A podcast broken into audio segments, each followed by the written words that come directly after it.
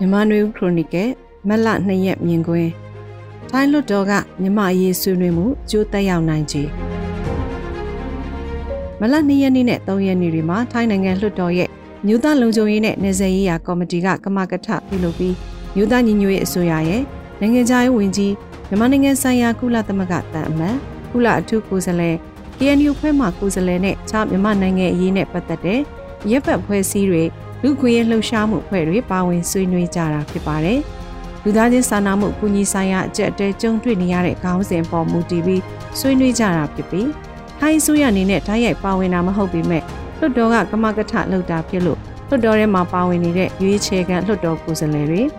လွှတ်တော်ဥက္ကဋ္ဌစတဲ့မူဝါဒဆုံးဖြတ်နိုင်သူတွေရဲ့သဘောတူညီမှုပါဝင်နေဆိုတာထင်ရှားတဲ့အချက်ဖြစ်ပါတယ်။ရခိုင်ထိုင်းအစိုးရလက်ထက်မှာတော့အာဏာသိမ်းထားတဲ့စစ်အစိုးရနဲ့သာ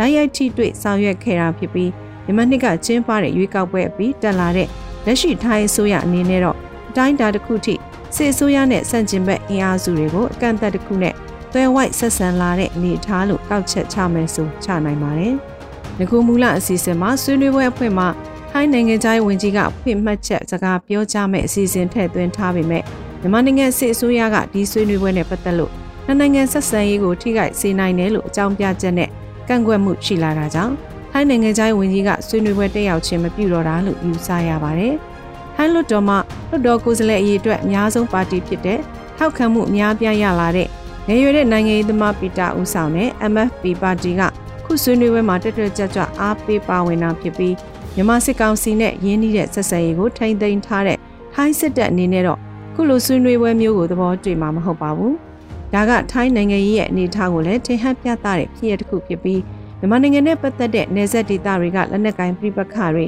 နေဆက်မြင်းကိုဖျက်ကျော်တိမ်းရှောင်လာတဲ့ဒုက္ခသည်ဆိုင်ရာအရေးကိစ္စတရားမဝင်နေဆက်ကျော်ဖျက်ဝင်ရောက်လာနေတဲ့တရားမဝင်ရွှေ့ပြောင်းလုံသားအရေးစတာတွေမှာစစ်တပ်နဲ့နိုင်ငံရေးသမားတွေကြားရှုမြင်ပုံမတူညီတာချင်းကပ်ပုံမတူညီတာကိုလည်းတွေးဆနိုင်တဲ့အနေအထားလို့ဆိုရမှာဖြစ်ပါတယ်။မြန်မာနိုင်ငံကလက်နက်ကိုင်ပြပခါတွေကြောင့်ဒုက္ခရောက်နေတဲ့စစ်ဘေးရှောင်တွေကို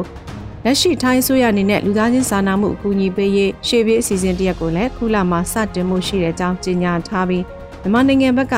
မြန်မာနိုင်ငံချက်ချီနီဖွဲ့နဲ့ဆက်သွယ်ဆောင်ရွက်ဖို့လှုံ့ဆော်ထားတာဖြစ်ပါတယ်။အမေရိကန်နိုင်ငံသားဝင်ကြီးနဲ့မကြာခင်လပိုင်းမှာတွားရောက်တွေ့ဆုံခဲ့တဲ့ထိုင်းနိုင်ငံသားဝင်ကြီးကဒီအစီအစဉ်တွေကိုကမကထလှုံ့ဆော်နေတာလည်းဖြစ်ပါတယ်။ဒါပေမဲ့မြန်မာစစ်ကောင်စီရဲ့လွှမ်းမိုးမှုအောက်မှာရှိတဲ့လူလက်တဲ့အဖွဲ့အစည်းမဟုတ်တဲ့ မြန်မာနိုင်ငံကြက်ချီနီအသင်းကိုတစ်ဖက်ဖွဲ့စည်းနေနဲ့ဆက်သွဲဆောင်ရွက်ဖို့လှုံ့ဆော်ထားတာကြောင့်တိုင်းသားလက်နက်ကိုင်ဖွဲ့တွေနဲ့မြန်မာတိုက်ခန့်အဖွဲ့အစည်းအချို့ကဝေဖန်နေကြတာလည်းဖြစ်ပါတယ်။မြန်မာနိုင်ငံမှာဖြစ်ပွားနေတဲ့လက်နက်ကိုင်ပြပခတွေတနည်းအားဖြင့်စစ်ပွဲတွေကြောင့်လူသားချင်းစာနာမှုအကူအညီတွေအရေးတကြီးလိုအပ်နေတယ်ဆိုတာညှင်းပွားစရာမရှိတဲ့အချက်လက်တည်းရဲ့ပဂရိအခြေအနေတည်းရဲ့ဖြစ်ပြီးဘယ်လိုကူညီမလဲဘယ်သူတွေကကူညီမလဲဆိုတဲ့အချက်တွေကဆွေးနွေးစရာသဘောထားကွဲလွဲနိုင်တဲ့အကြောင်းချင်းရာတွေဖြစ်နေပါတယ်။ လူသားချင်းစာနာမှုအကူအညီတွေမရောက်ရှိနိုင်အောင်ရသားတွေကိုပါပိတ်ဆို့တန်းခတ်တာဖြက်လေးပြက်လောက်ရမှတရခံဖြစ်တဲ့စစ်ကောင်စီနဲ့ဆက်ဆံဆောင်ရွက်ပြီးကူညီမှုတွေလှုံ့ဆော်တာမှန်ကန်ရလားဆိုတဲ့မေးခွန်းလည်းရှိနေတာဖြစ်ပါတယ်။ဒါတကအားဖြင့်အခိုင်ပြည်နယ်မှာတိုက်ပွဲတွေပြန်လည်ဖြစ်ပွားလာတဲ့2023ခုနှစ်နိုဝင်ဘာလကစလို့ပြည်내တစ်ခုလုံးကိုလူဝင်ထွက်တဲ့ကုန်စည်ကူးသန်းမှုလုံးဝနှီးပါပိတ်ဆို့ထားတဲ့အချက်က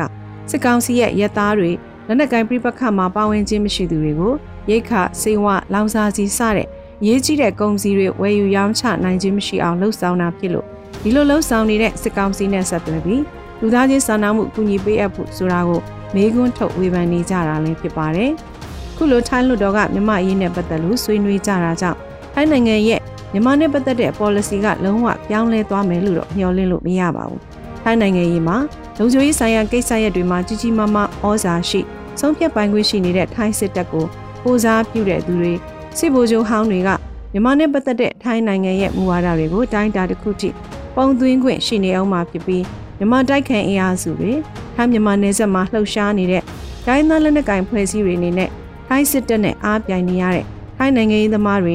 ရွေးကောက်ခံလွှတ်တော်ကိုယ်စားလှယ်တွေကိုမြန်မာနိုင်ငံရဲ့အရေးကိစ္စတွေပုံမနားလည်လာအောင်လူသားချင်းစာနာမှုအကူအညီမြန်မာနိုင်ငံမှာဒီမိုကရေစီပြန်လည်ထွန်းကားရေးအတွက်လိုအပ်တဲ့အားပေးကူညီမှုတွေကူညီဖို့ ဆက်လက်စီယုံလှုပ်ဆောင်နေရအောင်မဲ့အခြေအနေလို့ဆိုရင်မှားမယ်မထင်ပါဘူးရှင်။